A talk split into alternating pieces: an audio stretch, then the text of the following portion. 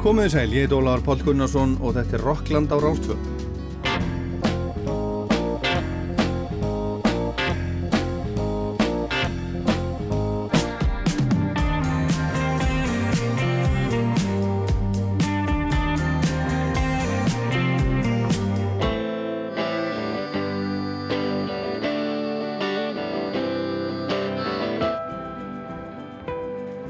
Árið er liðið, árið 2022 og aldrei það kemur tilbaka, það er víst.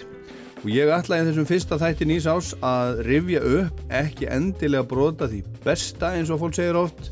Það er alltaf smekksadriði en brot úr ymsum Rockland þáttum ásins 2022 Ég var með öðruvísi fyrsta þátt á nýju ári í fyrra. Ég hóf hann á þessum orðum.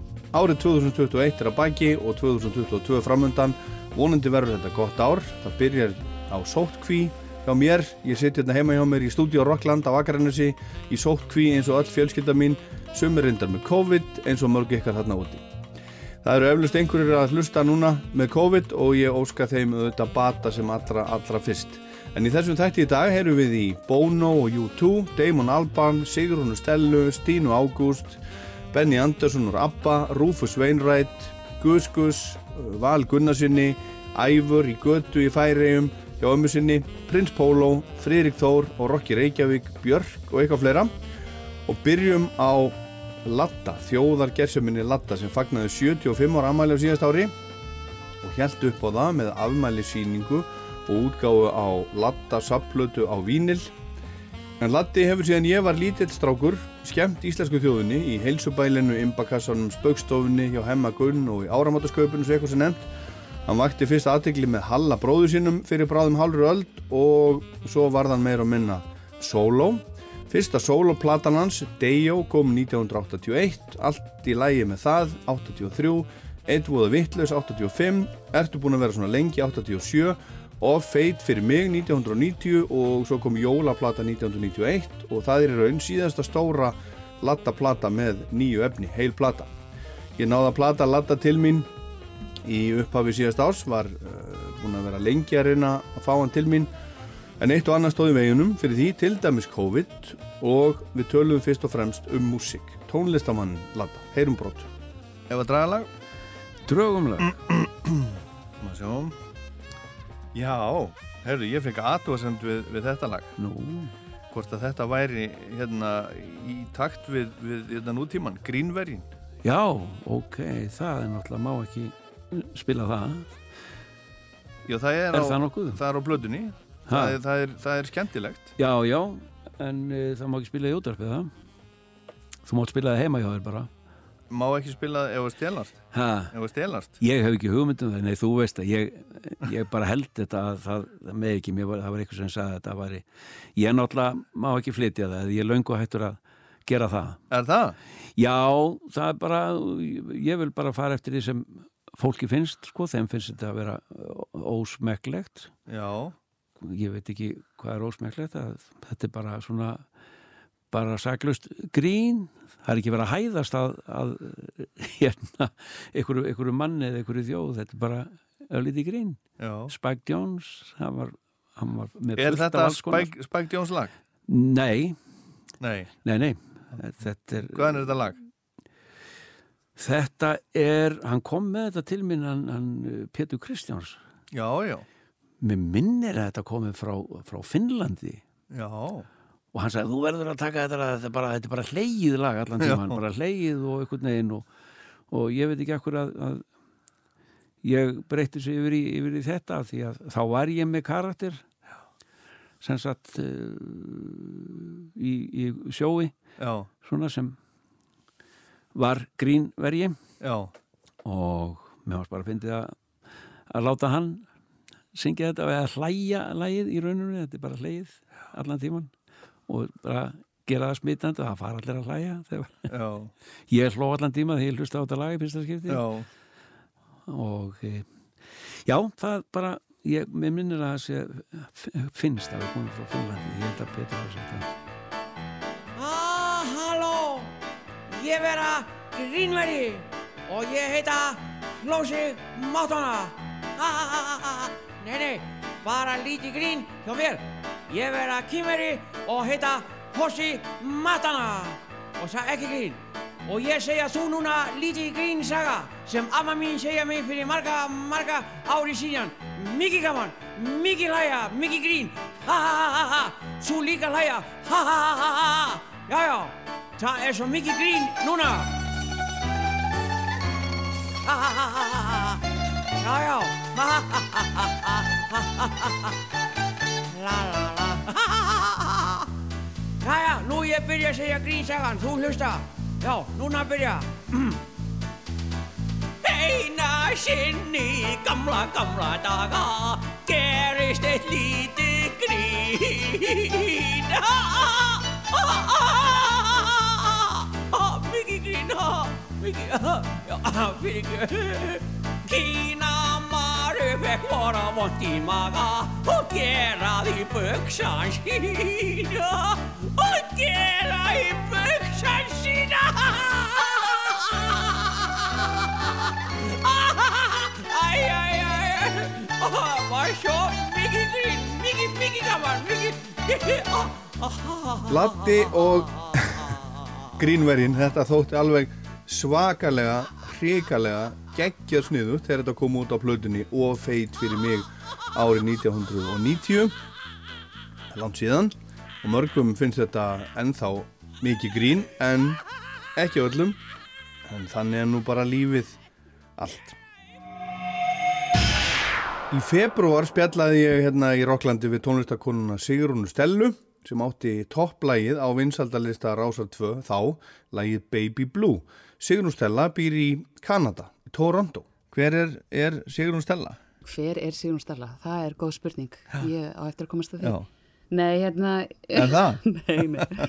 nei, nei, ég bara, Sigrun Stella, ég ég ólst upp í, ég fættist í Winnipeg, Kanada og hérna, Já, svo flutti ég heim á svona fóröldurinn mínum því ég var sex ára, ólst upp, eða var að bjó á Akureyri já, og hérna, og svo flytti ég hinga ég, tví, hérna, já, ég er tvítug og ætlaði bara að koma að vera í eitt ár en svo eru það Já. orðin 20 ár og maður er bara einhvern veginn og er bara hér í tónlistinni Já, það- að dóla mér eitthvað ok. Já. En þannig að þú, þú, þú varst sér satt á, þú varst satt ólst upp, upp í rauninni á Akureyri frá því þú varst 6 til Já. 20. svona mótunar árin, það Þannig er þú- allt veist, það er heim, veist, home for me, sko Já, e- já, er Já. það? algjörlega Já, já. Saknar Akureyrar? Já, ég bara sakna, þú veist, vinkunuhópurinn og vinnir og já, alltaf, alltaf með heimþrá, alveg bara, er alltaf leiðin að flytja. Já, mér finnst það rosa gott að búa hér, en samt er einhvern veginn alltaf, þó ég sé búin að búa hér lengur, þá samt einhvern veginn Já. er Ísland og Akureyri alltaf einhvern veginn bara heimalandi, finnst mér.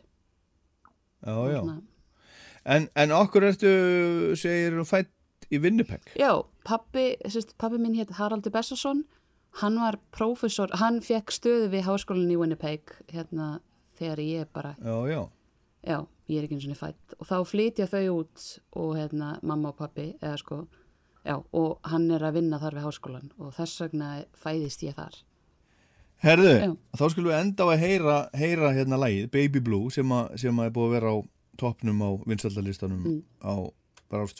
Er, er, ég get sagt er- þér eitthvað um er- það, já, lag Já, segðu, já, segðu, segðu ok, okkur. þetta er bara svona um, þú veist, svona old days og þetta er svona, veist, um mig og svona, þú veist, um high school ást, eitthvað sem var eða sem einhvern sem skiptir mann máli og maður kannski oft hugsar, æ, hvað ef ekki það ég sé að því, Mm. veist, en veist hvað mér bara svona um svona, Já.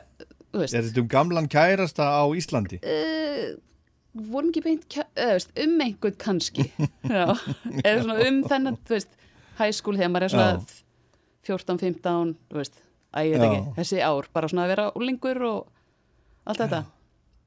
Við skulum heyra Baby Blue og, og hérna, ég þakka þið fyrir spjallið, segir hún Stella, takk sem leiðis Haraldsdóttir. Já, og þú lætur í þér heyra hérna ef að þú ert á leiðin eitthvað, ef þú ert á Íslandi, 100% gera það, endilega.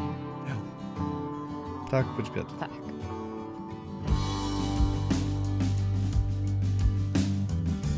Baby blue, you have no clue. My dreams are still about you. building castles in the sand with flowers wrapped around you. Yeah, but I still remember you. Maybe I should stop loving you. If that could ever ring true. Going down that sweet avenue. Seeing some shadows of you. Yeah, but do you miss me too? Take me back to the morning light Where our love shone so bright The story brings me back to you. Where I can still hold you. Where I could even make love to you. I still remember your crazy jacket Surrounded by polka dots too. Playing records, they were all dancing but they were all jealous of you. Yeah, but you were with me too. Sigrun Stella og Baby Blue mikið spilað á Rástfö á síðasta ári. Íslensk tónlistakona sem býr í Kanada. En næst er það íslensku tónlistamæður fættur og alveg upp í Breitlandi en er íslensku ríkisborgari í dag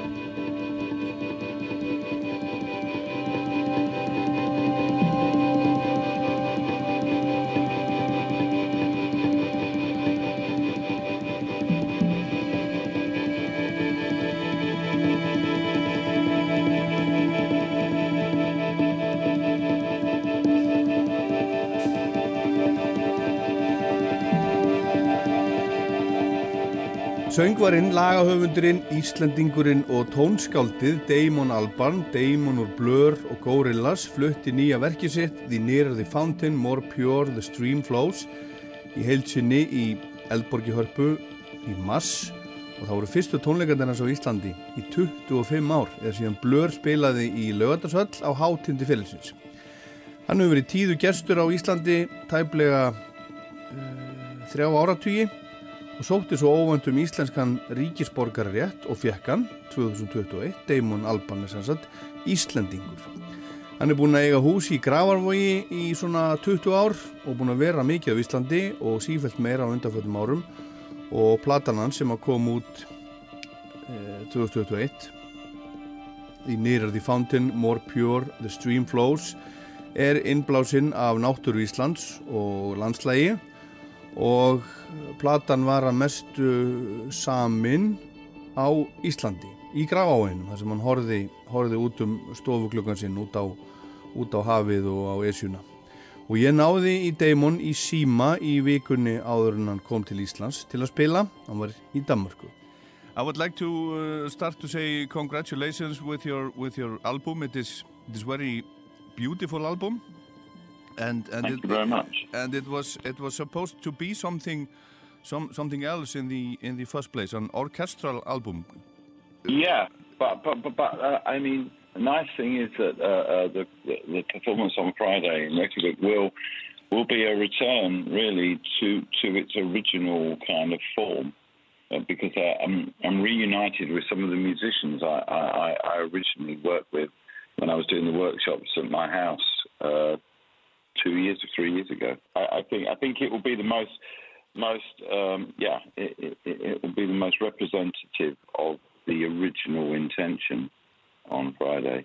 so it will be be a bit different from from from the album Oh, it, yeah. I mean, it, it. I mean, the song. The songs are there, Uh-huh. um, but but the journey between each song is is is is uh, it's completely true to to the original intention of the of the project. So it's the best of both worlds. It's kind of it's songwriting and uh, orchestral kind of um, atmosphere. I understand and and is it is it in any any way different from other shows on the tour Uh, it will be different. Yeah. It's it, firstly, it's the last one, so it's my first um, last gig. Um, my first gig in 25 years in Iceland, Yeah. And on this trajectory, if it takes another 25 years, I'll be in my late 70s. So you better come and see see me now. Yeah, yeah, yeah, yeah, yeah. I, I, I, I was there the last time. Why has it taken you so so long time to to perform here again? Very good question. I've, I mean, I've tried, I've tried many occasions to, to bring gorillas up to play, but uh, it just hasn't worked out. I don't know, uh, economics or whatever. Um, so I'm really happy to be playing again. It seems long overdue, considering Yeah. that I'm that, that, that, that, that I'm an Icelandic national as well, Yes. and it's a chance for me to sort of, you know, Uh huh. pay back that that beautiful compliment uh, and generous gift that I was given. Uh huh. Can you tell me about about the name name of the album? Yes, well, um, yes, it comes from it comes from uh, it's a, a a couple of lines from uh, a poem by John Clare, the known as the people's poet of the uh, very early 19th century in England. Um, it's a poem meditation on death, and I suppose it's sort of it felt to me like it was. Um, I don't know. It's something that obviously is recognizing something that has passed, but also, you know, the journey to the fountain is is, is where the optimism comes from, and uh, very specifically, I sort of was very inspired many years ago by uh, Bjarnafoss up near Bouvier. Uh, Bjarnafoss. Yes. Okay. Uh, so, if you want to be literal about it, that Uh huh. that that's the place I'm heading to. You were gone, the dark journey that leaves no returning. It's fruitless for me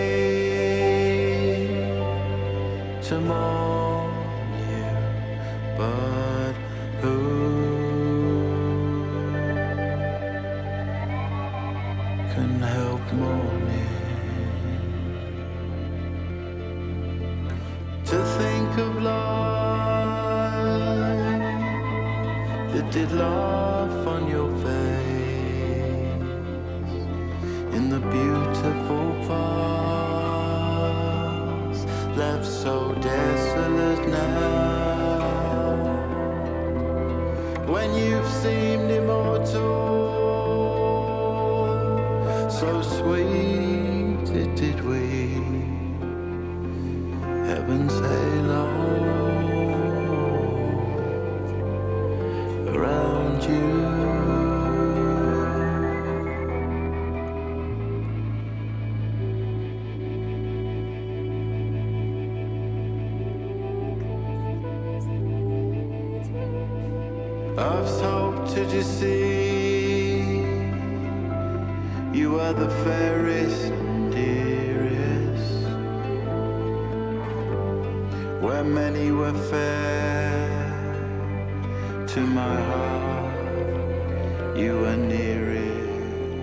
er eitt af lögum ásins 2022 finnst mér titilægið af plötunni The Nearer the Fountain, More Pure the Stream Flows komur þetta út platan 2021 og þetta er samið í gravarvóginum afskapla mikið Íslandi í þessu.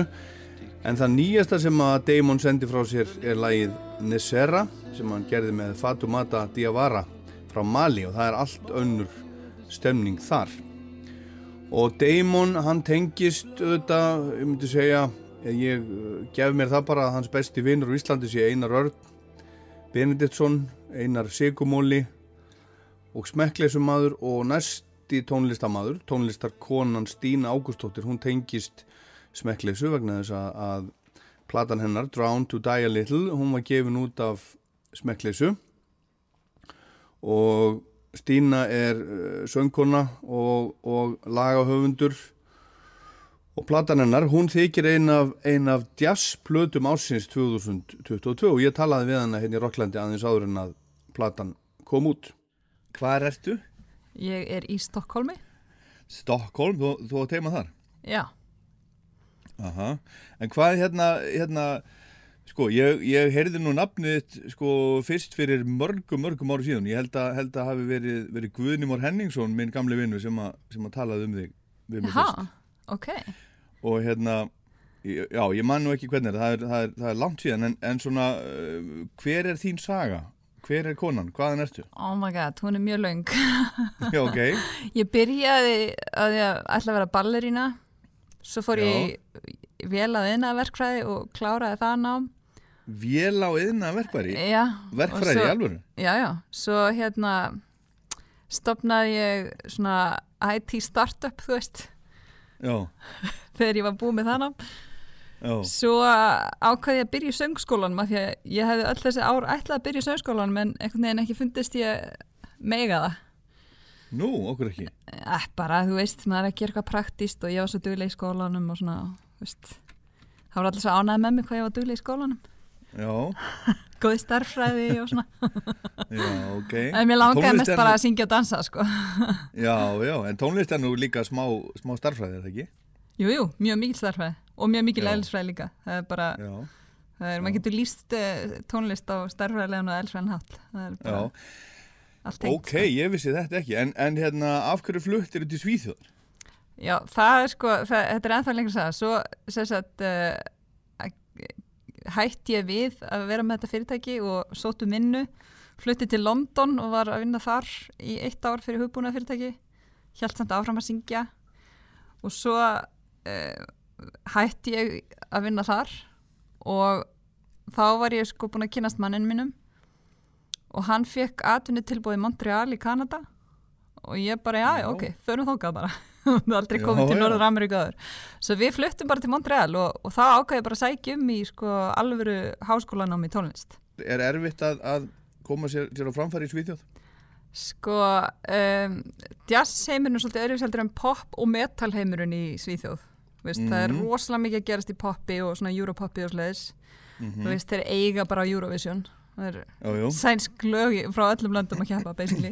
Jú, jú. og, og svo er náttúrulega rosalega mikið að gerast í metal þú veist, og svaka mikið gróska þar. En jazz, það er svolítið lokað. Og ef maður er ekki svíið þá er maður svona svolítið svona fyrir utan.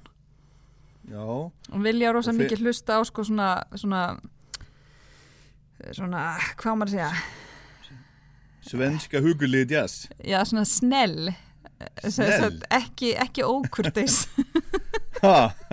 Já, svona svona hérna eh, sem sé eh, það er allt sko orðið lagum ekki á mikið og ekki á lítið. Það lýsir svíum alveg rosalega vel sko.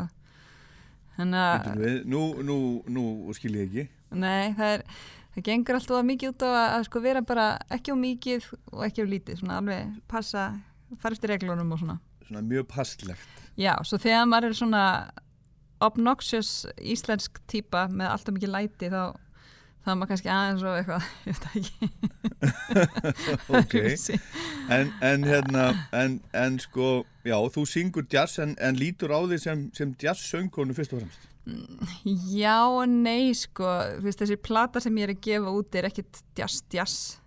Nei, nei, einmitt, og ég hef sungið, nei, ég hef sungið mjög mikið af annars konar tónlist líka sko og gera ennþá, þú veist, ég eh, hef sungið með röppurum á Íslandi líka, Já, aðalega Kíló, ég er á nokkur lögum hjá honum, já, já, já, já. Svo ég ger svolítið að svoleiðis líka sko, en innst inni ef ég sem tónlist sjálf það er það ekki jazz jazz, það er svona jazz slash, eh, kannski pop, soul, smá tilhörna kent á köflum. Mm Ég er búin að vinna rosa mikið með bæði Önnu Gretu Sigurðardóttur og hérna Mikael Manna Ásmundsinni. Svo höfðum við ekkert gert neitt þrjú saman og við vorum með eitthvað gig, hérna ég og Anna Keaton gig 2018 held ég eða, eða 19 mannaði ekki alveg. Og þá ákveðum við bara að fá Mikael með, veist, það verður eitthvað spennandi. Og þá gekk það bara svo vel, það var svo gaman að spila við þrjú saman, þetta er svolítið svona óvinnilega samsetninga hljóðfærum, píano, gítar og rödd.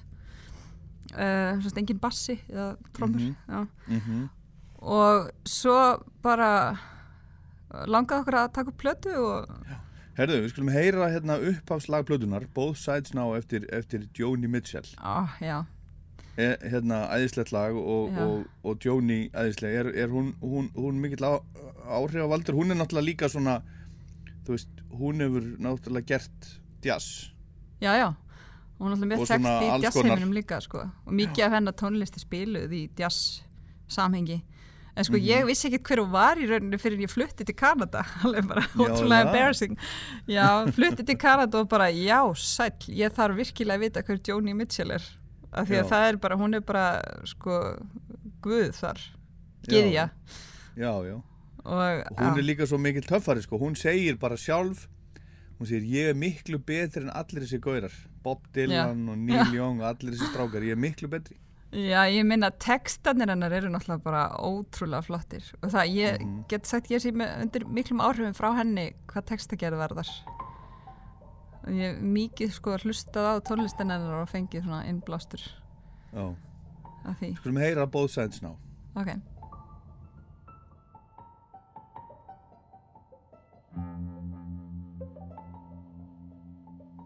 Rose and flows of angel hair and ice cream castles in the air and feather canyons everywhere. I've looked at clouds that way, but now they only block the sun. They rain and snow on everyone. So many things I could have done, but clouds got in my way.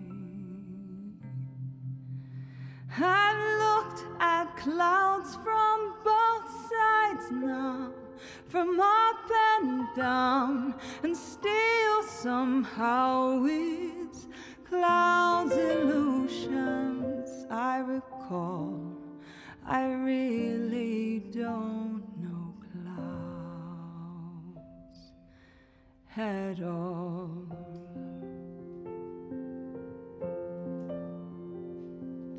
moons and Jews and Ferris wheels, the dizzy dancing way that you feel as every fairy tale comes real.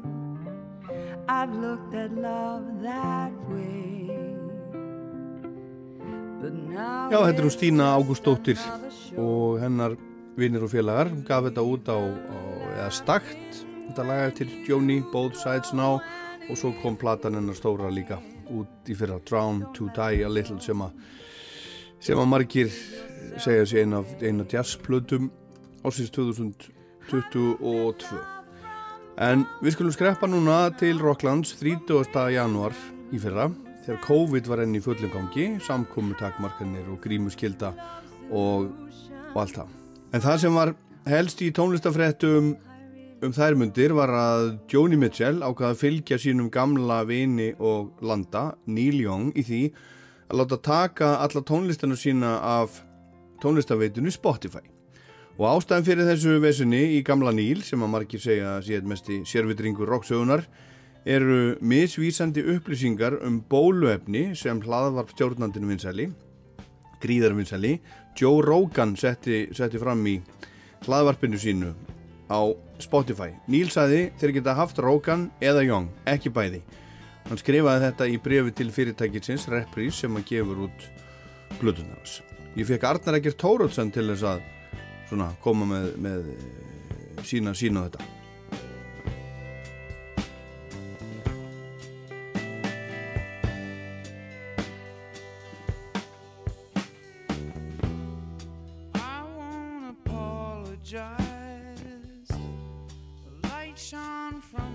Ég eins og svo margir nota Spotify mjög mikið og þetta eru stórar fréttir. Að tveir risa listamenn, Neil Young og Joni Mitchell séu búin að taka alla sína tónlist út af einum miðli til að mótmæla því að þessi sami miðill sé að hýsa uh, hlaðvarp sem þau eru mótvall gott og vel. Og en ég eh, hef mikið verið að velta fyrir mér í samfættu við Spotify sem oft er líst sem eh, verkfæri djögulsins og öruglega innistæði fyrir því að hvar ætlar maður að stoppa ef maður ætlar að halda í einhver siðferðslega prinsip? Það er svo auðvelt að benda á eitt og síðan nýtir maður sér eitthvað annað sem er eh, segt um nákvæmlega sama ef ekki eitthvað verra skilur stór fyrirtæki sem er vitað að nýta sér barnaþrælkun við nýtum okkur það í, í farsíman okkar en getum síðan tekið einhvers konar siðferðslega afstöðu til einhvers, einhverja streymisveitu út í heimi. Þetta er svona innbyggðar þversagnir í þetta allt saman. Og ég við ekki nefn það ég var að tjá mig um þetta á fjasbókarvegnum mínum og það fer auðvitað allt af stað þegar eh, er verið að velta þessum hlutum eh, fyrir sér.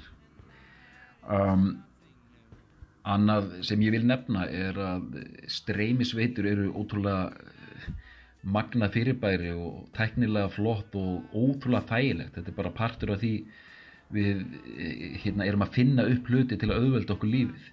En auðvitað er endalust þetta endur skoða viðskiptamódelið.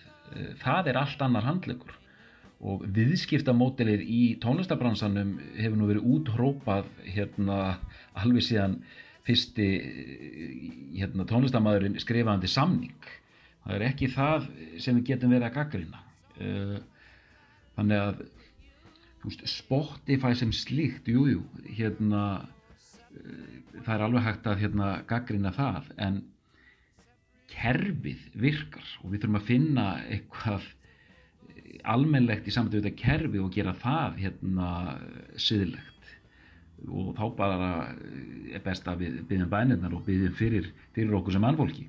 Og hérna ég ætla að vitna hérna í vinn minn Frosta Jónsson hérna Bistróbói, tónlistamann, við vorum að tala um þetta hérna í Messenger fórutinu góða sem hefur nú líka hjálpað ímsum en þar segir hann þetta við erum öll segum tvískinnung og bresti og lesti eins og sálinn söngum hér í den en það að smætta siðferðsumræðina niður í einn miðil með að móti skilar engum þannig að það er það sem ég hef um þetta mál að segja að uh, þetta er ekki svona einfalt gott fólk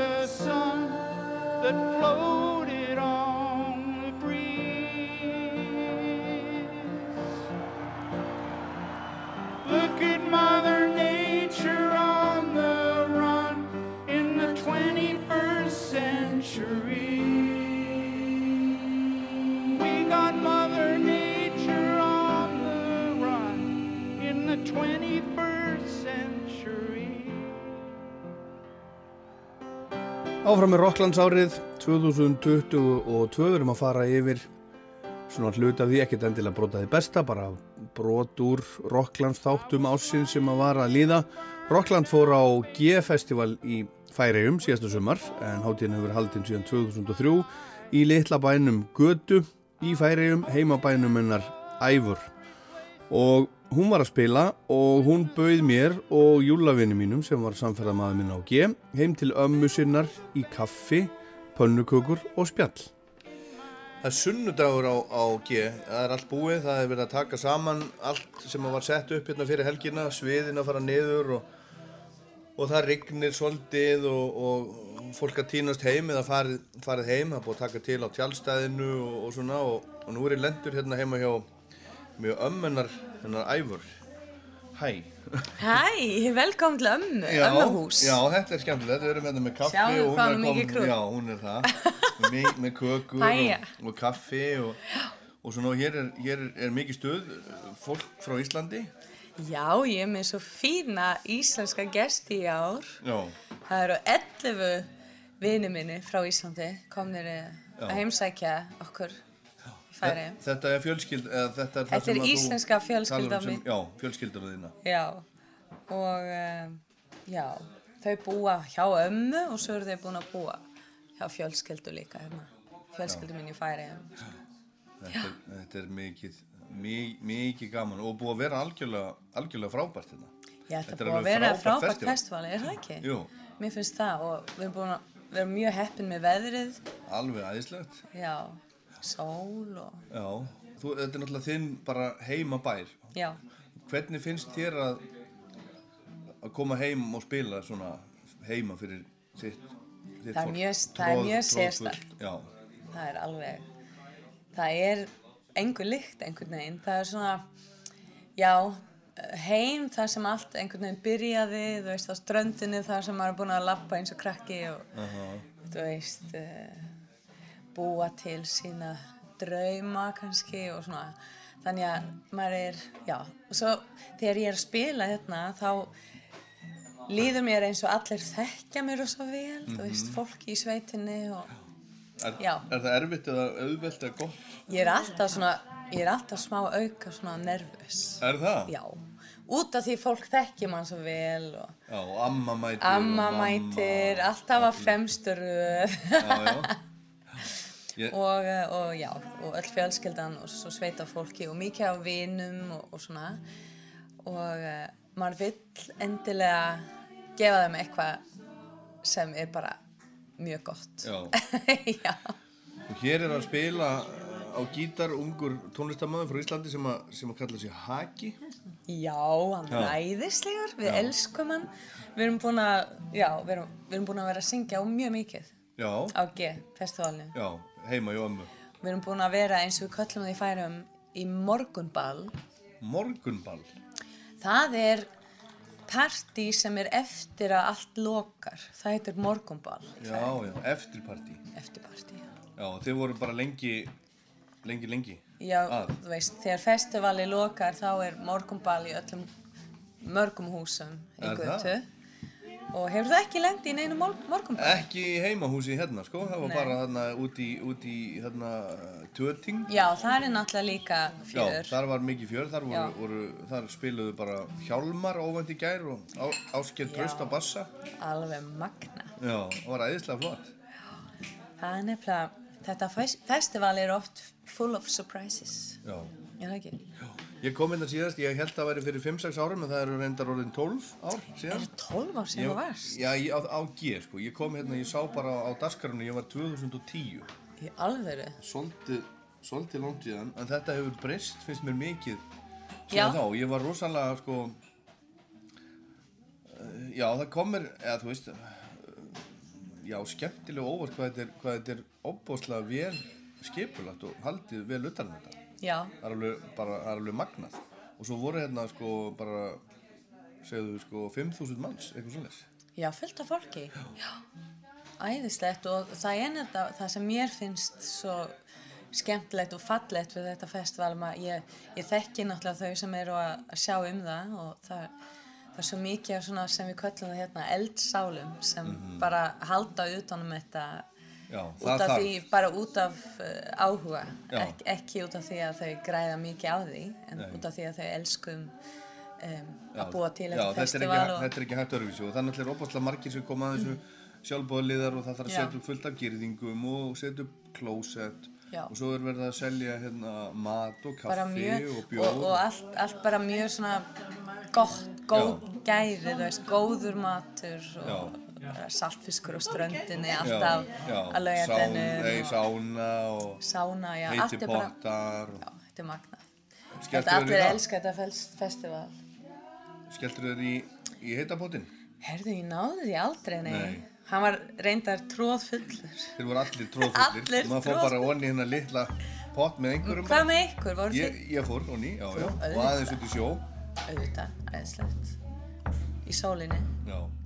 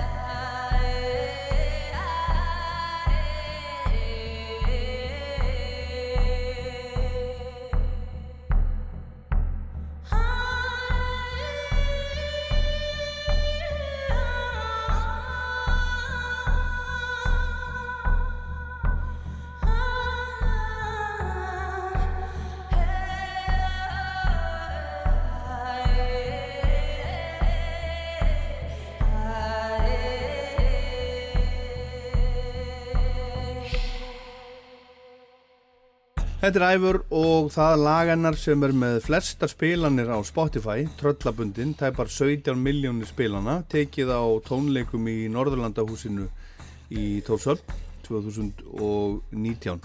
Þetta er ekki endilega einkennandi lag fyrir æfur í dag en hún hefur komið ansi víða við og getur í rauninni allt.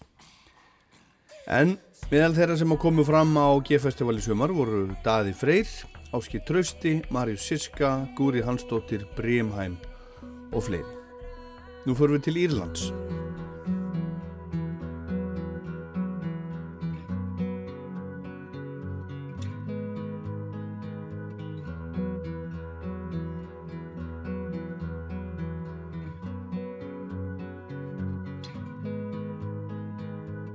You got a face not spoiled by beauty. I have some scars from where I've been. You got eyes that can see right through me. You're not afraid of anything they've seen. I was told. Bono, söngveri U2, rockstjarnar nummer eitt í heiminum, segja margir, er búinn að skrifa bók, eins konar æfisögu sem að heitir Surrender og hún kom út núna fyrir jólinn. U2 hefur áratugum saman verið einn allra stærsta hljómsveit heims, en allra stærsta og vinsalasta hljómsveit heims, en alla tíð umdild hljómsveit fyrir allt og ekkert, umdild fyrir tónlistina sína, umdild fyrir textagerð, trúmál, umdild fyrir mikilmennsku brjálaði Bono sem hefur notað talsvana hluta af lífi sínu í pólitík, í að reyna að hafa áhrif á stjórnmálafólk og peningafólk um allan heim. Hann hefur barist gegn útbreyslu HIV og AIDS, sett mikinn tíma í það og í að fá ráðamenn til að minka skuldir þriðja heimsins. Engur hluta vegna þá hefur þetta farið í taugarnar á fjöldafólks áratugum saman, ekki síst þeim sem segjast í raun elska U2, bara U2 í gamla daga og þegar, þegar þeir voru ekki svona trúaðir. Og þegar þeir voru ekki svona miklu predikarar og þegar þeir voru ekki með hennan Jésu komplex og svona brjálaðir, þegar þeir voru bara hljómsveit og liti ekki svona stórt á sig. Ég hef nokkur sinnum fjallað um U2 hérna í þessum þætti, til dæmis í september 2009 í þætti nummer 686 og þá fekk ég meðal annars Árna Mattíasson frá Morgunblæðinu til að spjalla við mig. merkilegast ljós, sko, þetta er, þetta er mesta rockljónsett heims í dag, það er þú veist, og það er ekkit band sem að kennst með tæru það sem þeir hafa hælaða. Og þetta er sennilega síðasta rísa hljónsetting, vegna þess að, þú veist, heimurinn hefur breyst svo mikið, markarinn hefur breyst svo mikið, markasetting, sala, dreifing á tónlist hefur breyst svo mikið og afstæða til tónlistar, að ég hugsa, ég, ég spái því hér að, að, að þegar við munum líta tilbaka, þú og ég, eftir svona cirka 50 ár, þá munum við sjá, þú veist, að, að þessi rockljónsettin toppaði með YouTube. Þú veist, herra var það ekki komist og eftir það enginn náði því þeim stalli síðar. Ég spáði því, við tökum það upp eftir 50 ár. En hérna eh, merki, er, ég, sko það er erfitt að segja þetta sem merkilegasta hljómsveit söguna eru þeir merkilegri bítlarni, ég meina bítlarni breyttuð með þremu plötum hérna á ákveðnum tíma á tveimur árum, þá breyttuð rocksögunni þrísvar skilur þú veist, gerði U2 það? Uh, nei. Rolling Stones hefur náttúrulega engu breytt, ég meina þeir hafa bara verið að gera það sama. Þeir eru alltaf að spila sama lægið og hafa gert allan þennan tíma sko, ekki, ég er ekki að dissa það fyrir það sko, þetta er gott lag.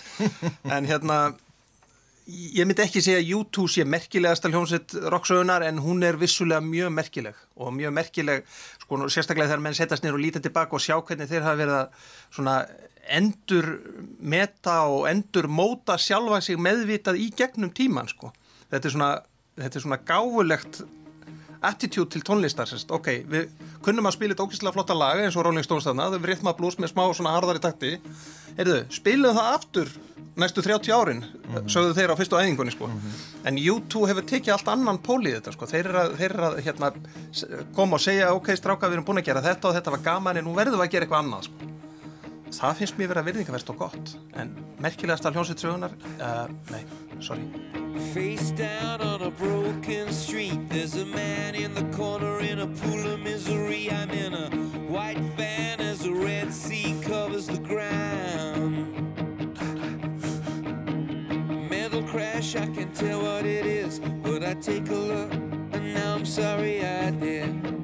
5:30 on a Friday night, 33 good people cut down.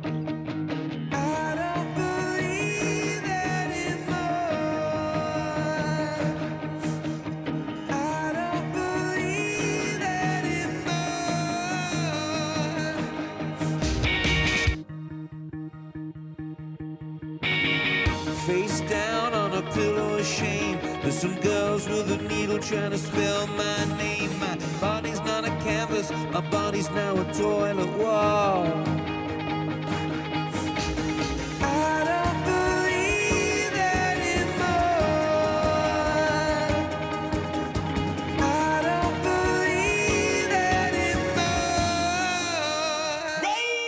Hún er alltaf rosalega interessant blanda af einlægni og svona eitthvað skona megalomaníu eða svona sölumennsku sko og svona fyndi hvernig þeir hefur haldið hvoru tveggja. Mér finnst það mjög interessant eins og náttúrulega flest er interessant listamenn þá eru þeir með svona mótsagnakendir fattar það er svona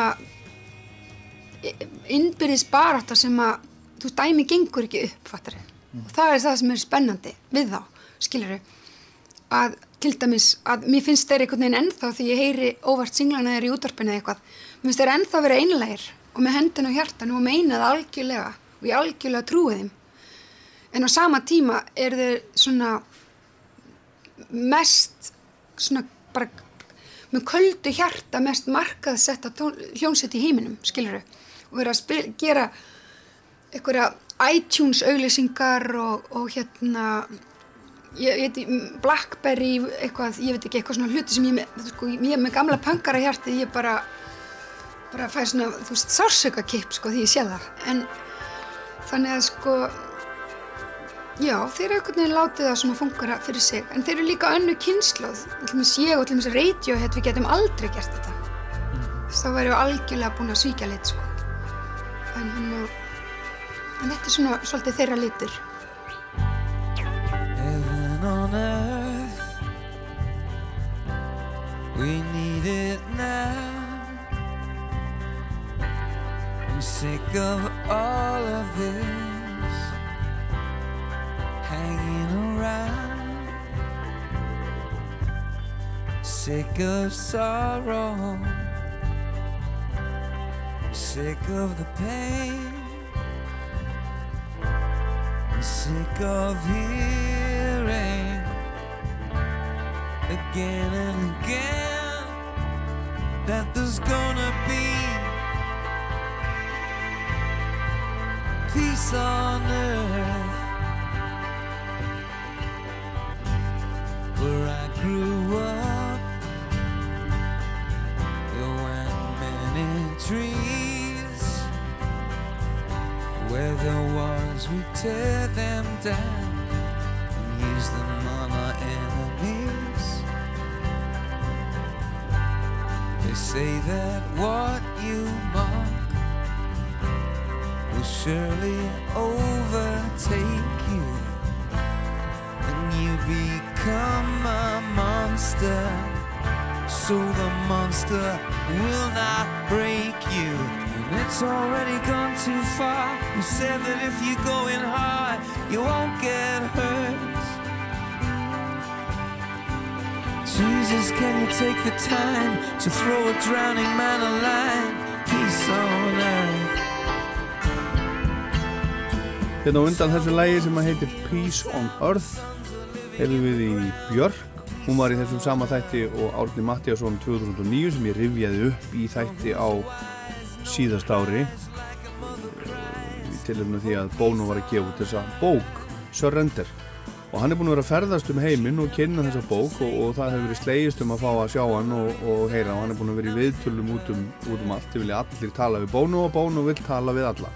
Við skulum heyra hann aðeins lesa upp úr bókinni og svo förum við til Dublin, rúm 20 ára aftur í tíman í Sleinkastala þar sem U2 spilaði tvær helgar í rauð fyrir 100.000 manns. Og þar var hópur af, af Íslandingum ábyggilega hátt í 100 manns og ég var einn af þeim það var magnað I'm jumping around the living room of 10 Cedarwood Road to the sound of Glad to See You Go from the Ramones Leave Home. You gotta go, go, go, go, goodbye. Glad to see you go, go, go, go, goodbye. It's 1978, the day of my 18th birthday. These songs are so simple, and yet they express a complexity that's way more relevant to my life than Dostoevsky's Crime and Punishment, which I've just finished, which took me three and a half weeks to read. This album takes only 29 minutes and 57 seconds. Songs so simple that even I can play them on guitar, and I can't play guitar. Songs so simple, even I might be able to write one. This would be some kind of personal revolution, the reverberations of which might be felt all the way upstairs to the empty room of my older brother Norman. Or more importantly still, down the hallway to the kitchen, where the da is sitting. My dad, who wants to talk to me about getting a job. A job? A job is the thing where you do something you don't really like for eight hours a day for five or six days a week. In return for money to help you to do the stuff on the weekend you want to do all the time. I know I would like to avoid work. I, I, I know that if I could do what I love, then I would never have to work a day in my life. But there's a problem. Even in my pimple teenage obnoxiousness, I know that this is unlikely if I'm not great at something. And I am not great at something. I am not great at anything. Well, I'm a pretty good mimic. My friend Reggie Manuel says the reason I ran off with his girlfriend Shona was all down to my Ian Paisley impression. I'm quite good at channeling the bellicose ranting of the Reverend Ian Paisley, leader of the Unionists in the North. No surrender! My Ian Paisley impression makes Shona laugh so much that I tell myself she is vulnerable to my advances. But I also know that I'm vulnerable to losing her to Keith, what's his face, because It's not enough just to be funny. You have to be smart as well, and I am smart enough to know I'm not smart enough. Einmitt. Við höldum áfram með Bono og brotaði besta úr Rocklandi, eða brot úr Rocklandi 2022 hérna rétt á eftir.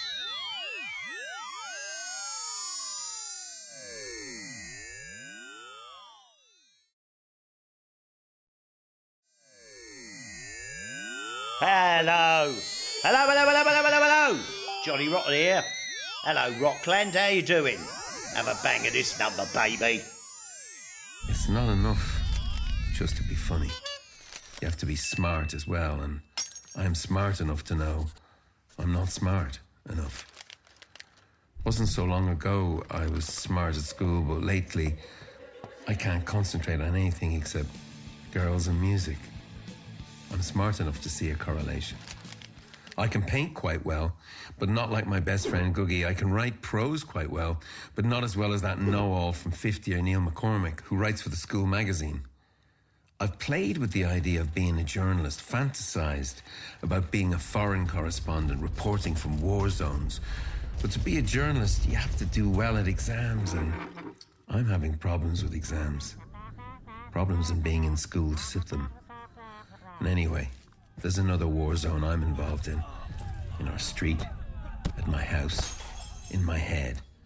Why go all the way to Timbuktu as a war correspondent when there's so much good material under my bed? The fears and specters under my pillow, the reasons I sometimes don't want to get out of bed. I don't yet know that rock and roll, punk rock in particular, will prove my liberation, that it will end my occupation of my bed. We're a band from the north side of Dublin. We're called U2. This is our first single. We hope you like it.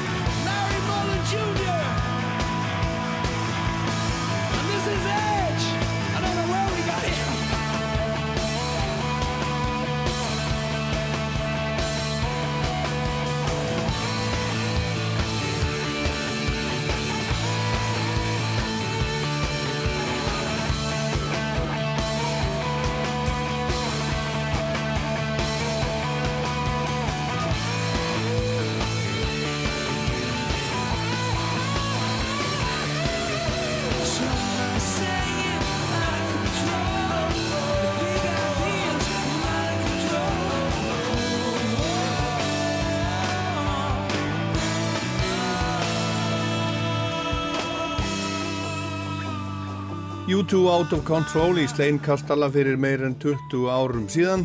Fyrsta lagi sem að þeir gáfu út. En U2 er þess að dagana að vinna að tveimur plötum annars vegar eins konar akustískri plötu sem hefur að geima gömur lög í nýjum búningi.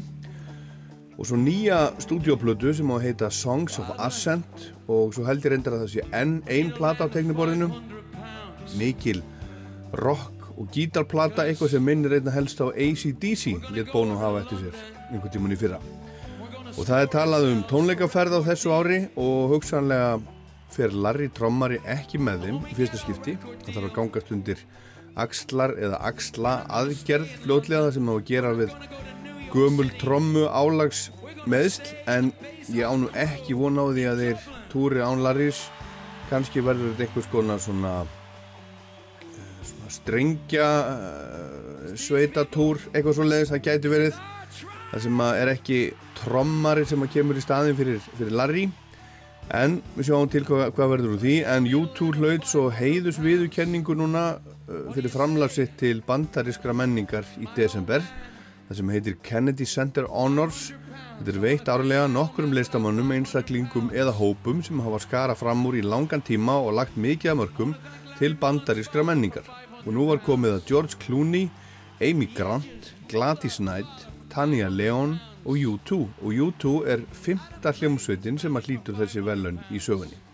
Það var heilarinn að sjó, svona galakvöld og Eddie Vedder söng tvö lög eftir U2 Elevation og One. Og svo komu á sviðið Hosier, Brandi Carlyle og ukrainska söngkonan Jamala sem sigraði í Eurovision árið 2016 í Stokkólmi og saman fluttu þau lægið þeirra Walk On. Og meðan þetta fór allt saman fram þá, þá sátu kallanir í U2 upp í, upp í stúku og fyldust með.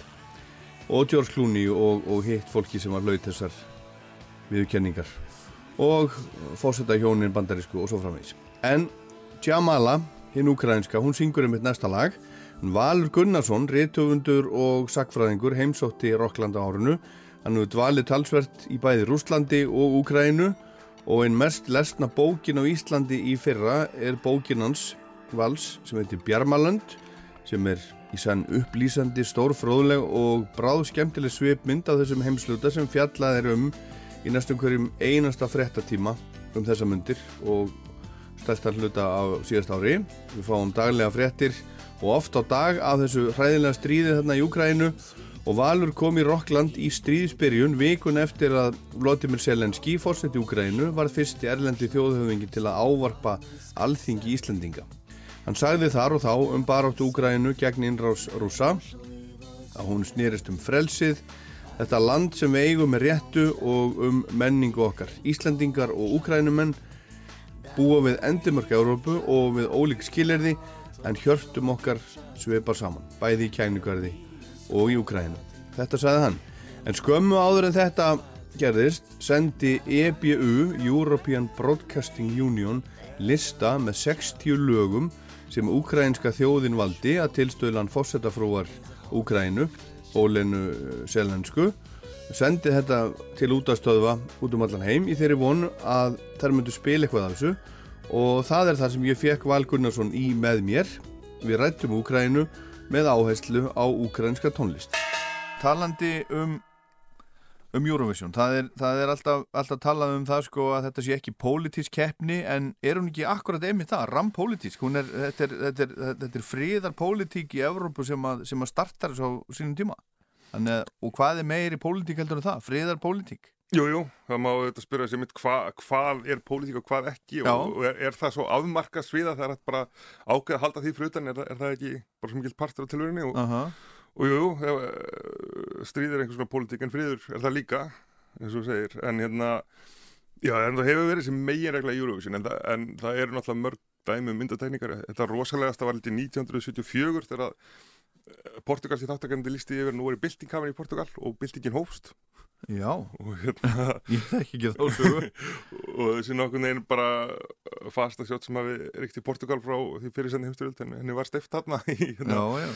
Þetta var náttúrulega planað sko en, en í framhaldi af Eurovision þannig að það, það, er náttúrulega politist og það gerist sko. Já, já, já, já. Og já, ég skrifaði mitt greinum þetta 2016 því þá var þá vo- voru náttúrulega mjög hörð pólitísk átök í Eurovision á milli rússa og úkrænumanna Já. og náttúrulega maður við að, að stríði Donbass hófst 2017 og, yfirtakan á Krímskaga og, og þar með var nokkurn veginn stríðsástand þannig að milli og, og sem að lísti sér í Eurovision og hérna úkrænumenn tefla fram þessu eitur pólitíska lægi þar sem að Jamala sem er krímtatari og það voru krímtatara sem að byggðu krímskaga mestuleiti uh, Stalin let flytja það í burtu á 1944 eins og vísaður í, í, í tillilagsins það var ekki fyrir bara tímum Gorbatsjóldi sem þeir fengu að snúa aftur. Já, já. og uh, þegar að, að síðan Putin tekur við krímska þá eru krímtatarar þar mjög smekir og, og mjög mikið á móti þessu. Þó að þeir skilgrunni sér ekki sem úkrænumenn þá vilja það miklu frekar til þeirra úkrænu heldur en Rúslandi og hún aðna, já, syngur einmitt um þennan brottfylgning Stalins og, og, og rifja það með þessi voðaverk og hérna rússa breyðast illa við og senda sinn besta mann sem er bara eitur poppar og popstjarnar sem er hétt Sergei eitthvað. Mhm. ekki, ekki, ekki Lárup en en Sergei eitthvað og hérna uh, sæti strákur og, og, hérna, og það er rosa sjó sko, það er öllu tjálta til og það var eitthvað spekla sjó og þetta var rosa flott sko til þess að passa upp á Úkrænum menn myndi ekki vinna en þetta fór ekki betur en svo fyrir þá að, Úkrænum menn faktist unnu en hérna rúsa lendu held í þriðasæti eitthvað, þeir voru hátt en, en, en unnu ekki, þannig að þarna þarna sjáum við bara sko milliríkja politíkina endurspeglast á Já, sviðið vá, Eurovision já, já. Rampolítist Já, þetta, Er, Já. þetta er mjög sláandi lag þú, þú, menn heyra það bara á dramatíkin í því að þarna eru Já. mikli hlutir að Þetta er lagið. Já, 1944 sem er sagt þegar að, að, að hérna NKFD og Hermann Stalins bönguð upp á í, í Krím og, hérna dróðu alla fjölsyndu burtu og hérna sendið það til Sýberíu eða Kazakstan sem er döldu næstu 50 árin eða svo. When strangers are coming, they come to your house, they kill you all and say, We're not guilty, not guilty. Where's your mind? Humanity cries. You think you are God, but everyone dies. Don't swallow my soul, our souls.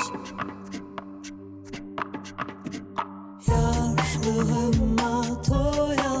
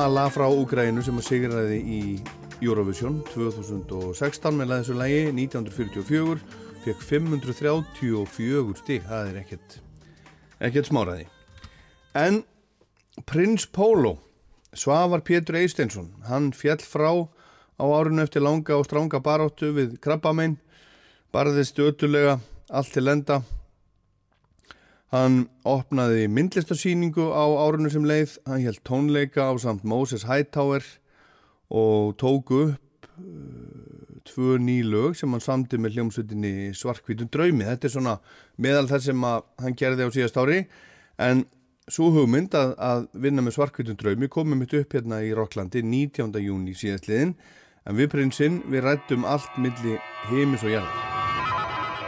Ef við tölum aðeins um, um svona áhrifavalda og hvernig, þú veist, þú veist, hvernig er þín leið inn, inn í tónlistina?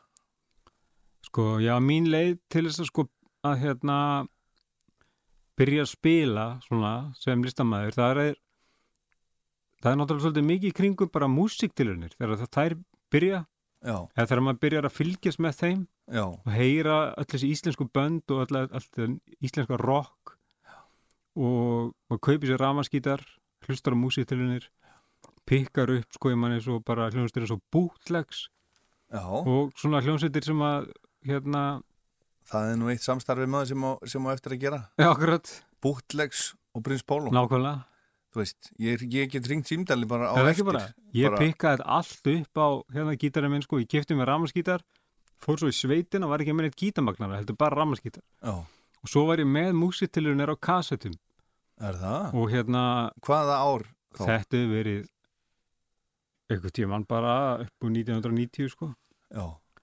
89-90 sérska bát og hérna ég er svona ekki alveg ekki alveg nógu góður í ár, árum sko já, svona að maður byrjar að pikka upp þessa íslensku nýbylgi Mhm. og íslenskt rock og, og eitthvað svona og svo setna kemur inn þessi breska nýbylgja Ræt og Charlatans og, Mhm. og, og hérna Happy Mondays og, og allt það. En það sem að ég var kannski fyrir mestum áhrifum af og hefur kannski áhrif sem að fyllt mér hvað lengst og það er góð með svarkunum já það er sem plata sem að ég sem að sýsti minn átti. Hún er fimm áram eldri en ég. Sérst er með Svefnarbergi við hliðana mínu og ég fer að heyra eitthvað músík í gegnum vekkin og hérna svo þegar hún er í skólanum og ég er heima þá ég að stelast inn í herbyggi til hennar og setja þess að plöta fónin sem hún er alltaf að hlusta á inni á sér. Og heyri bara þannig að íslenska músík sem er bara fáránlega góð bara með geggjum textum, geggjum saga þetta er bara eins og konceptplata Mhm. og að mínum að þetta er allra, allra, allra, allra besta plata sem hefur komið út á Íslandi. Já, það er þannig. Góð. góð með svarkunum draumi og bara umslægið og allt við hana. Það er bara, það er ekkert veist, þetta er, er þryggja manna band þetta er tekið upp í áttarás stúdíói öruglega á einum degi. Mhm. og soundið er geggjað. Og þú veist, þennan vínil á ég ennþá og, og er bara og hlusta mikið á hann sko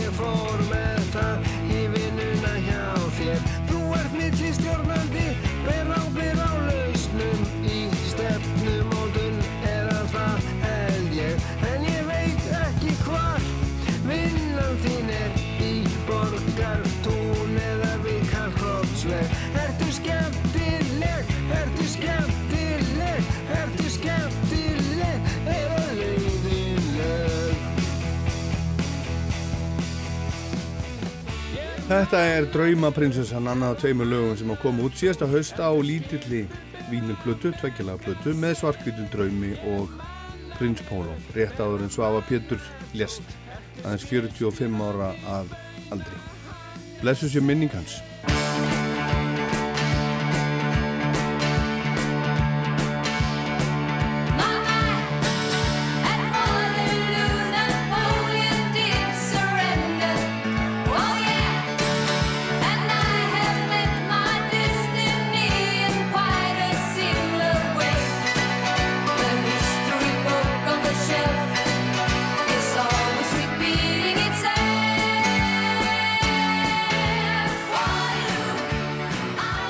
Hljómsveitin ABBA, þessi hljómsveit, sendi óvænt frá sér blödu 2021, blöduna Voyage, sem var fyrsta plata ABBA í 40 ár. Og hún fór alla leið á toppin og vinsaldalistum víðum heim og fekk líka ágæta dóma. Og í mæ opnaði svo ABBA Arena, nýja ABBA höllin í London og ABBA tónleika sjóið hóf göngusinu þar, hálfgerður svona ABBA galdur. Að þessu tilöfni bauðst mér stutt viðtal við Benny úr ABBA í Eurovision vikunni. Við rættum um Eurovision og ABBA höllina og sjóið og hljómsveitina og þjóðlaga tónlist og hversuna höllin var ekki í Stokkólmi, nýju plötuna og ímislega fleira. Skagakonan Svana Gísladóttir sem að unni hefur náið með ABBA undanfari 5 ár komur í samband við Benny. Hún er framleiðandi hjá ABBA eins og, eins og uh, það er stundum sagt en er í rauninni bara einhvers konar framkvæmdastjóri sem að er gott íslenskt orð yfir prodúser. Við spjöldum saman í Eurovision vikunni svo að þú segði og ég spurði Benny hvort hann hefði hort á Eurovision undan kjærnuna tveimur dugum fyrir og hvort hann ætlaði að horfa á Eurovision úslitin tveimur dugum setna. Did you watch Eurovision on, on, on Tuesday? No, no, I didn't. So you do, do not uh, watch that every year?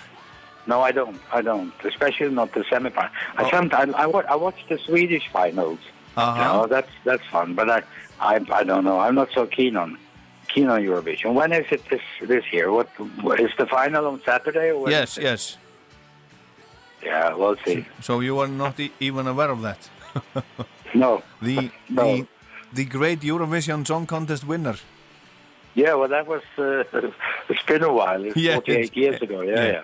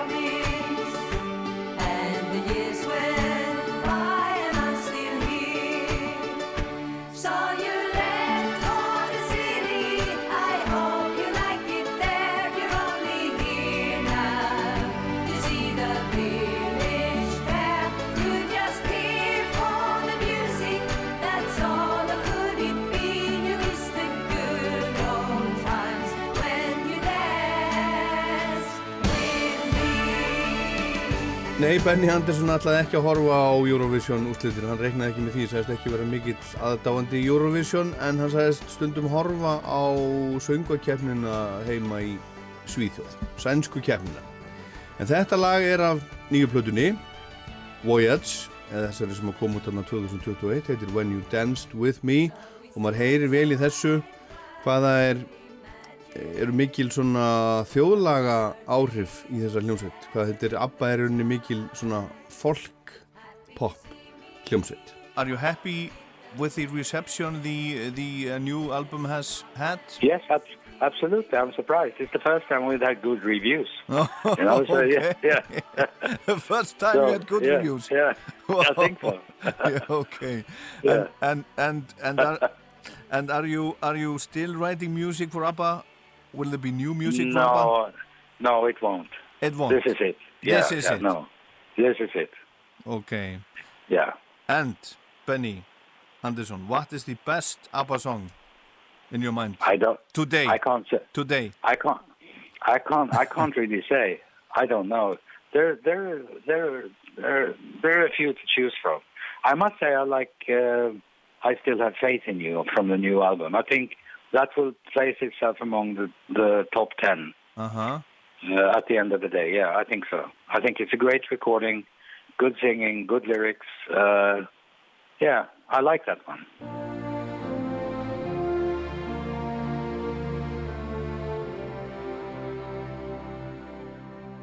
I still have faith in you. I see it now. Through all these years that faith lives on, somehow there was a union of heart and mind, the likes of which are rare and oh so hard to Do I have it in me? I believe it is in there. For I know I hear a bittersweet song in the memories we share. I still have faith in you,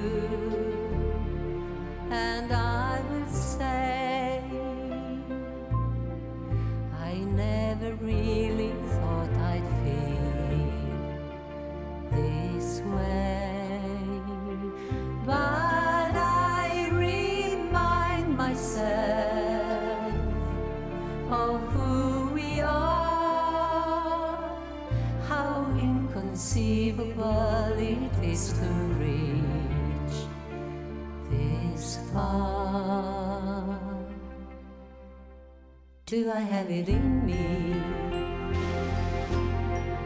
I believe it is in there. For I know I hear a bittersweet song in the memories we share.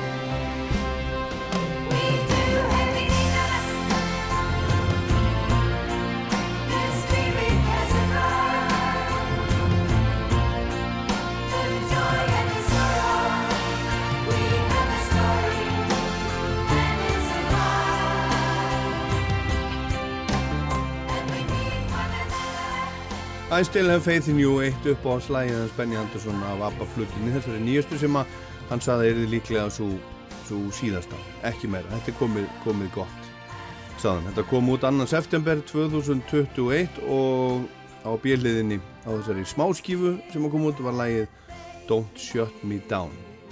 Og lægið fjallar um vináttu sem að, sem að heldur ennþá þrátt fyrir að, að Já, þrátt fyrir bara hjarta, sár og skilnaði og allt svo leiðis. Og lægið var tilnæmt til Grammy-veluna í flokknum Record of the Year eða upptaka ásins og þetta var fyrsta, hugsið ykkur, ABBA. Þetta var fyrsta Grammy tilnæmning ABBA. Fyrsta.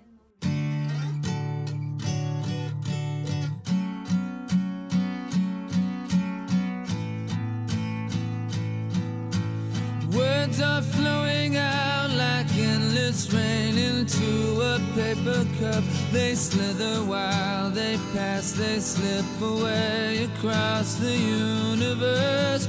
Pools of sorrow, waves of joy are drifting through my open mind, possessing and caressing me. Jai Guru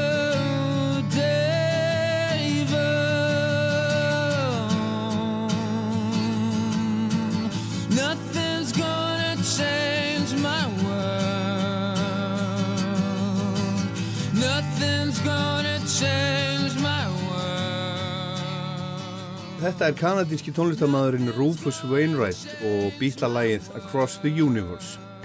Sunnudagskvöldi 29. mæ í fyrra held Rufus tónleika í Silfurbergi í Hörpu og John Grant var sérstakur gestur og opnaði tónleikana. Á þessum tónleikum var hópur af aðdáendum allstaðar aður heiminum sem kom sérstaklega til landsins til að sjá Rufus og heyra og vera með í svona Rufus Wainwright veistlu, hátíð Það var fólk úr aðdáðandaklubnum hans, tónleikarnir voru teknir upp og þeim var útvarpað á Rástvö annan í jólum. Þetta var í annar skipti sem að Rúfus kom til Íslands, hann kom hinga líka 2008 og spilaði þá í Háskóla bíói en hann var á leiðinni í stutta tónleikaferð til Montreal sem að heimabærin hans og svo Quebec og það sem hann ólst upp og, og svo kom hann hinga til Íslands. Á með lítið band með sér og prógrami var fjölbreytt hans eigin lög og svo lög Judy Garland sem að varð, varð eða hefði orðið 100 ára núna 22. júni og hann var að gefa út plötu í fyrra sem að heitir Rufus Does Judy at Capitol Studios. Og tónleikarnir í Silvbergi voru svona eiginlega klæðskera saumaður fyrir uh, þetta kvöld og Ísland. Aðdáundurna sem að voru komnir til Ísland sérstaklega til að sjá hann og heyra. Og hann hefur gert svona einu svona áður þá var hann með svona Rufus veistlu í Havana á Kúbu og þetta var skemmtilegt ég var þarna á þessum tónleikum þetta var alveg frábært og ég náði í Rufus líka í síma aðeins áður hann kom It's your fans um, Yes. They might have like posters of you on their walls How does it feel to be among that kind of kind of kind of people? Yeah. You know. Well, I mean, I you know, I I I I've always had very very um how can I say this very respectful fans. Um, you know, I was never you know, I've, I've been I've been very successful in the music business, but I but but by no means was I you know a superstar or some sort of you know household name. I mean, I mean, I you know, I still have my privacy. I still have uh you know i can go to the grocery store and it's it's it's no big deal so Mhm. so uh so yeah so I, my fans generally tend to be just really into the music Mhm. and not so much into you know fame itself so Yeah. so uh you know i'm fortunate in that way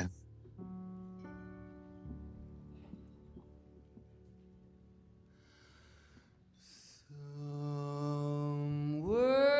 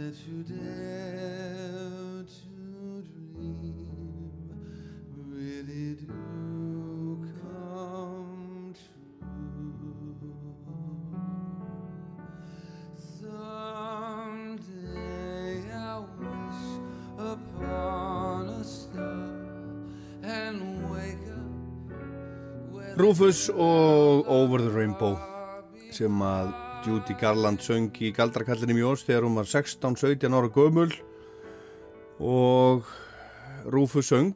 Þetta er upptaka úr Silvubergi frá því í mæ upp, upptaka Rása 2 þessi tónleikar voru á dagskrá Rása 2 um jólin, annan jólum og þau getur fundið þetta inn í, í rúspilarum ef þau viljið hlusta á þetta allt saman en Rufus hefur gefið út tvær Judy Garland plötur, Rufus Does Judy at Carnegie Hall 2007 en árið áður endurgerðan fræga tónleika Judy Garland í Carnegie Hall á samt 36 manna hljómsett sem, sem Judy eh, tók upp og gaf út 1961 og var algjör success og hefur ótt verið kallað The Greatest Night in Show Business History, hvorki meirinn í minna.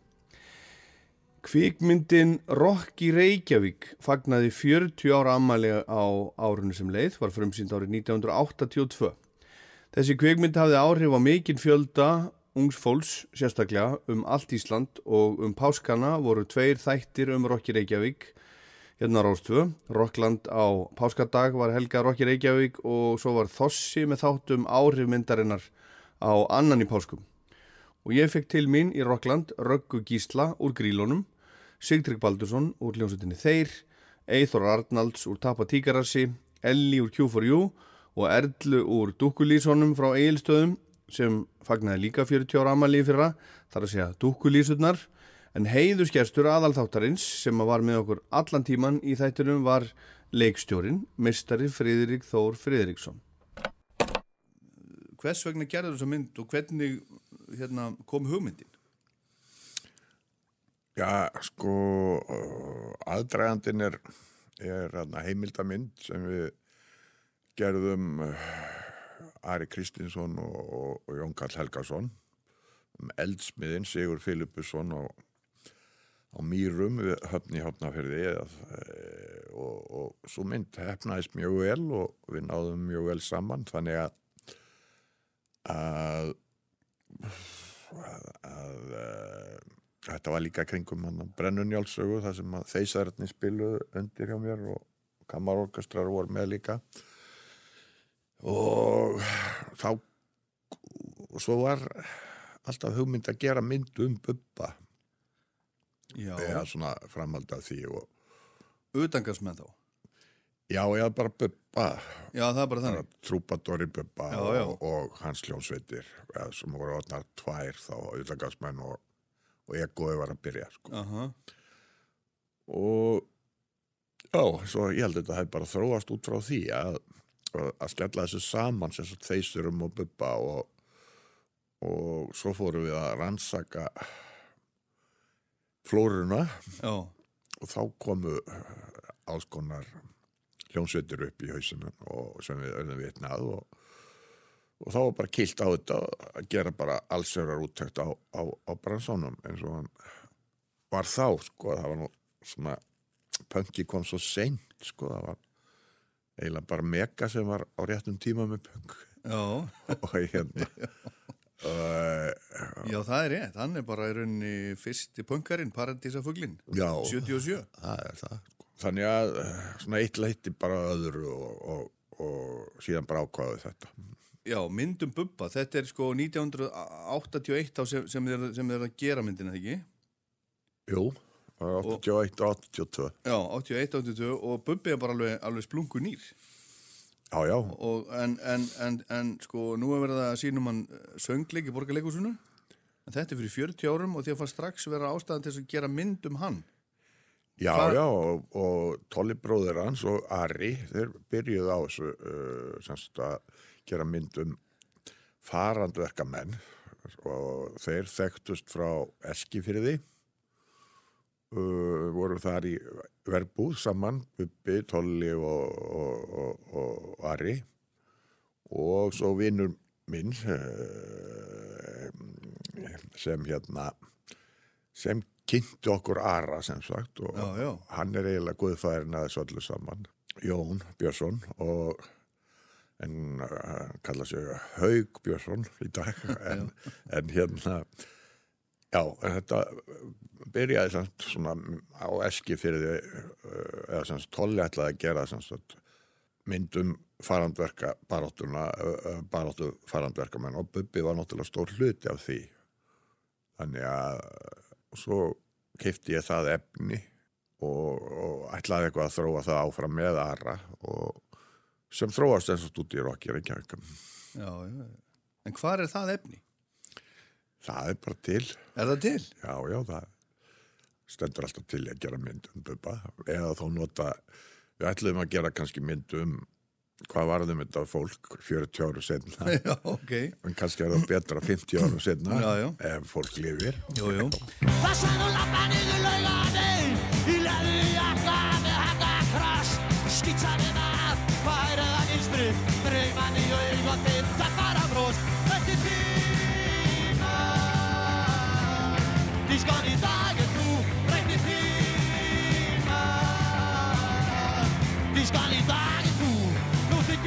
hissa, ég skulle syngja Um allt og knæpina Um táning og túlkun um alvöru mál Á tróður þig kjartarkum á Þessi tíma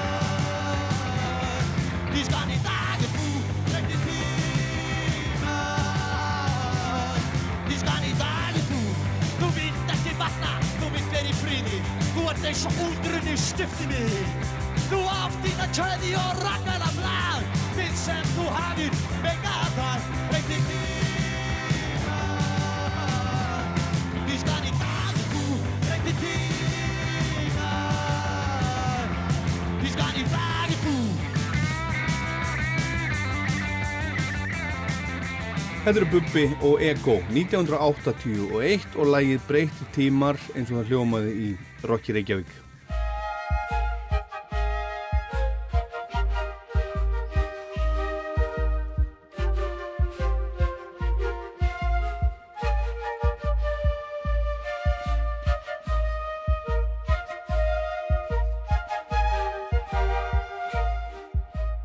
Svona byrjar nýjasta platan hennar, hennar Bjarkar en Björk Guðmundsdóttir var í aðalhutverki 15 eða 16 ára gömul í Rokki Reykjavík með Tappa Tíkaressi með að segja plakatið fyrir myndina uh, var með mynd af Björk, það er bara mynd af Björk þar upp á, upp á sviði. Björk sendi frá sér tíundu soloplötunum sína núna í september, plötuna Fossora. Þetta er lífrænplata, mikil hjartenging og Björk segir sjálf að Fossora sé sveppaplatan sín, sveppirnir séu eins og internet skóana. Hún var að mestu leiti tekin upp á Íslandi og hún er mjög íslenska sér plata, unnin á COVID-tímanum. Flestu sem eru með Björk á plötunni eru íslenski vinnir og kunningjar, Hamrarliðakórin, fólk úr Sinfonil hljómsveit Íslands og fleiri. Björk er sjálfu upptökustjóri en Bergur Þórisson, hann var hennar hægri hönd og, og svona vélstjóri plötunar. Og það var mikill áhugi á þessar plötu út um allan heim, dómar yfirleitt góðir og hún er eina plötum ársins víða hún er í 12. sæti yfir plötur ársins hjá Pitchfork 47. sæti hjá Uncut 59. hjá Mojo 5. sæti hjá Line of Best Fit og svo framvegis og e, versti dómurinn fyrir plötuna var líklega í Víðsjá á Rás 1 þar sem gaggrinnandi sæði en það verður samt að segjast eins og vera nýjasta platarinnar Bjarkar Fossóra er reynd útsagt drefleiðileg eins og reyndar að mínumati flestur hennar ranni undanfarið hálfan annan áratug og ég segi þetta af ást því ég elska Björk. Björk kom í Rockland, ekki til að tala um þetta, þetta kom setna en hún kom til að segja okkur frá blötunni. Að músikinni, músikinni sjálfri, sko, þú veit náttúrulega, uh, þú veist eins og þú sagðir, þú veist í punkljómsutum, uh, gítar, popljómsutum, svo kemur fyrsta plattaðin sem er svona einhvers konar dans-pop-plata sko uh, mér finnst þetta það sem þú hefur verið að gera undanfarið það er svona, ég veit, veist, það þarf alltaf að skilgjörna alla hluti. Þetta er sko, þetta er eins og þú veist einhvern veginn að ná að, að tengja saman þú veist, hérna popmusík og það sem maður var að kalla þegar við vorum unglingar, hérna nútíma tónlist, einhvern veginn þannig. Hvað, sko þú veist, er þetta bara það sem að kemur eða er, er, er þetta eitthvað svona meðvita sem þú veist að reyna að, reyna að gera þú veist, er, er popparinn Björk bara alveg farinn?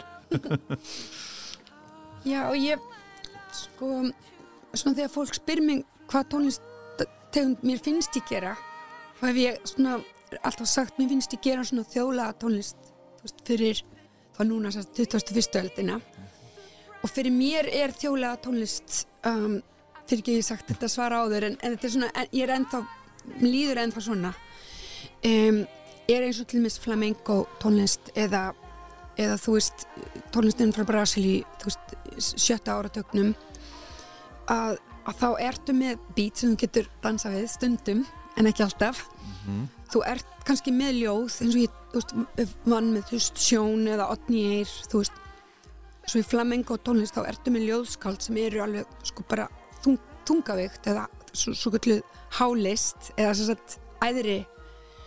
Um, og svo eða ertu með sagt, líka lágmenningu hámenningu, lágmenningu saman í sama læginu og um, og líka með sagt tengsli við uh, sko þú ert frá skiluru og ég er náttúrulega íslensk, ég er mjög íslensk skiluru og það er alveg á plötunni þú veist, hamrarlega kórin og, og alls konar alltaf tengingar við við íslenska menningu á öllum mínum plötum.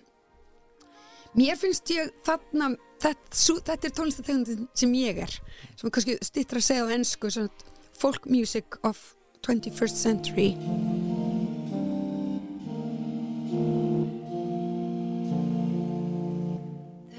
space in your voice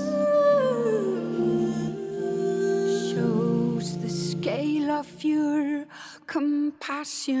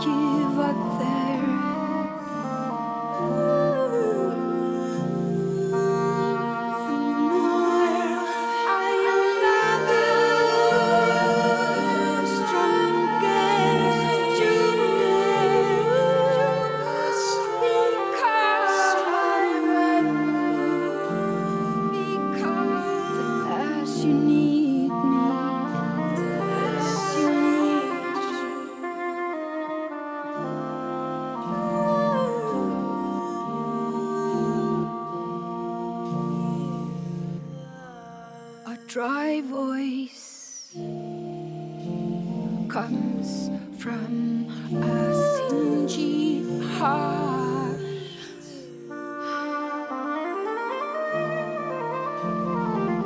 But a moist voice. Þetta er eitt af lögunum á Bjarkarblötunni nýju, fórsvara.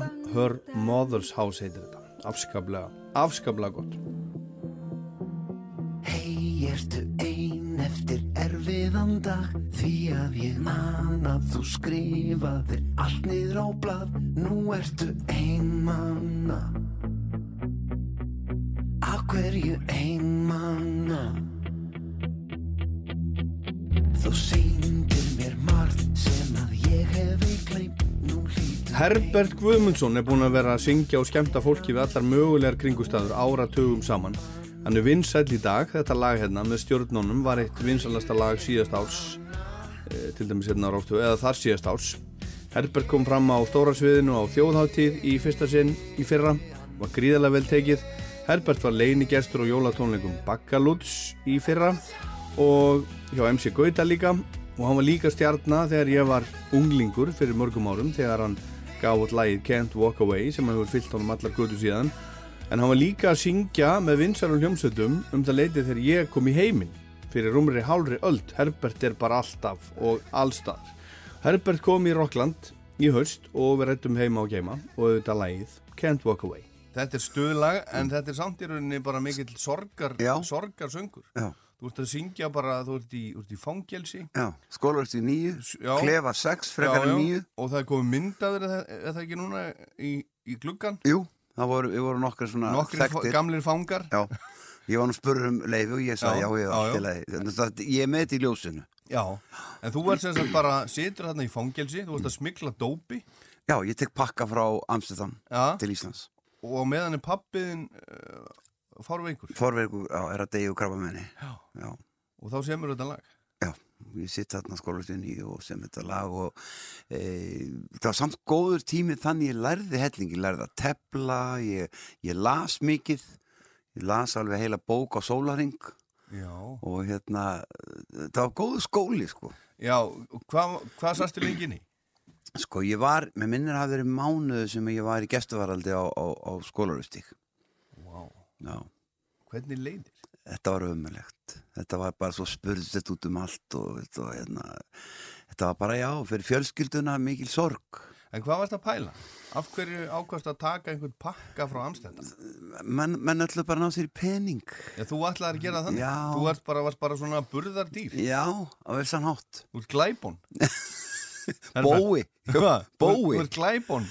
Já, já, þetta er hérna, en hérna, ég einhvern veginn, samt sem áður, var þetta mikil skó, góðu skóli. Og, og hérna, en sem betur fer og raun og veru var þetta lán í óláni. Þarna sem ég, minn stæðsta smell, sem er enn að gefa mér bara þvílitt góða tekjur Já. og er enn að kveiki í salnum og enn að fá fólk á gólfið Já, já. og oft er sko þegar það er sannleikur í, í lögum og snertaðu fólki hvað sem það eru ballöð sem er að semja í, skilnaði eða já. eitthvað skilnaði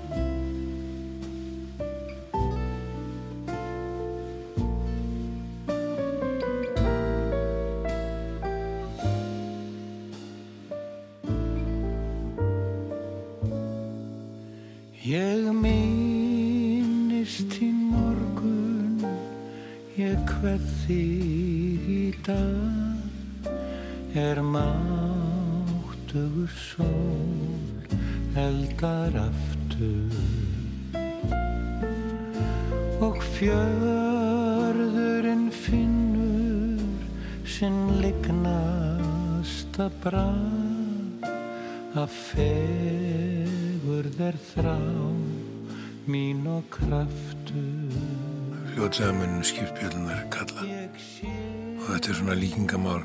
Skipspjöldan er ringt eða ringt þegar hann er lagt þér upp. Aha. og hérna og þegar skipið er löst frá bryggina og klingja menn bjöllum. Sigla hann út úr hefninu og, og þá er stefnan tekin og hún veit hún kemur ekki tilbaka aftur. Hún er að stýta á þetta bönd. Þetta er mjög, mjög, mjög dramatíst. Þetta er ónumun lönd af nýju plötunni frá, frá Agli. Þetta er eld og endi hlutin. Eld og endi, íslenska, íslenska útgáfan. Þetta er nýju upptaka. Já. Þetta er tekið upp á laugabakka. Þetta er tekið upp í Kæku Já, þetta er tekið upp í... Já. Kæku er bara eftir lögabakkan við tókum Já. upp sko 12 lög lögabakka Já.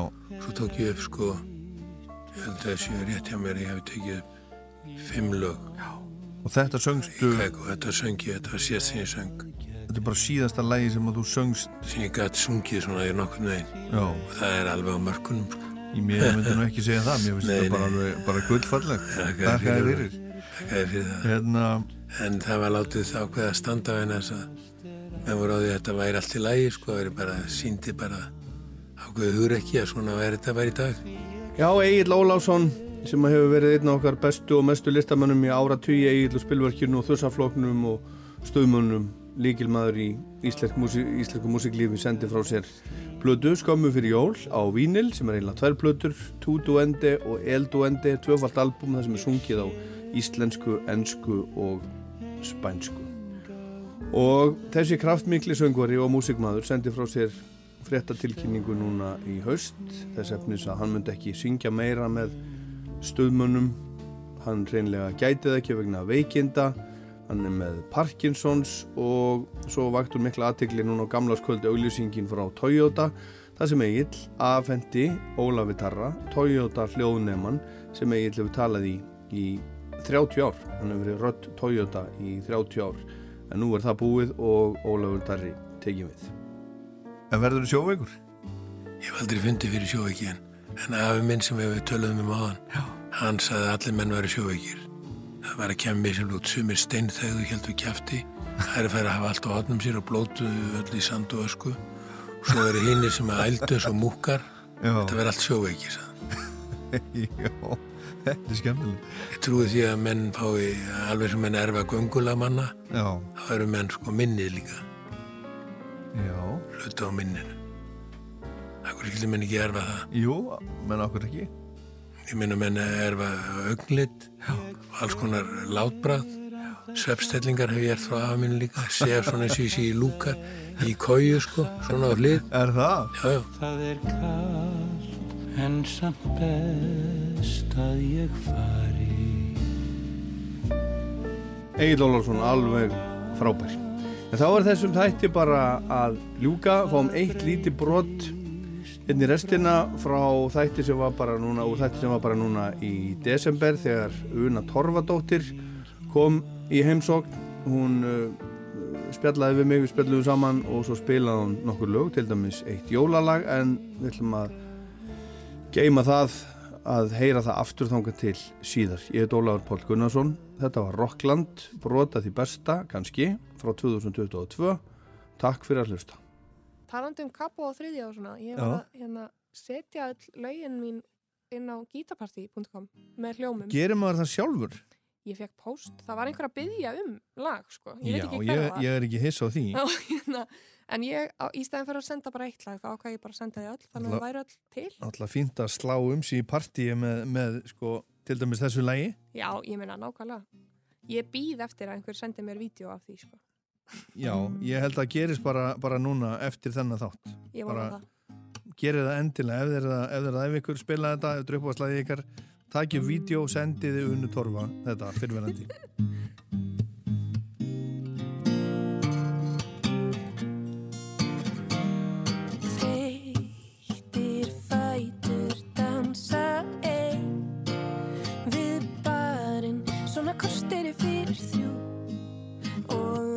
cool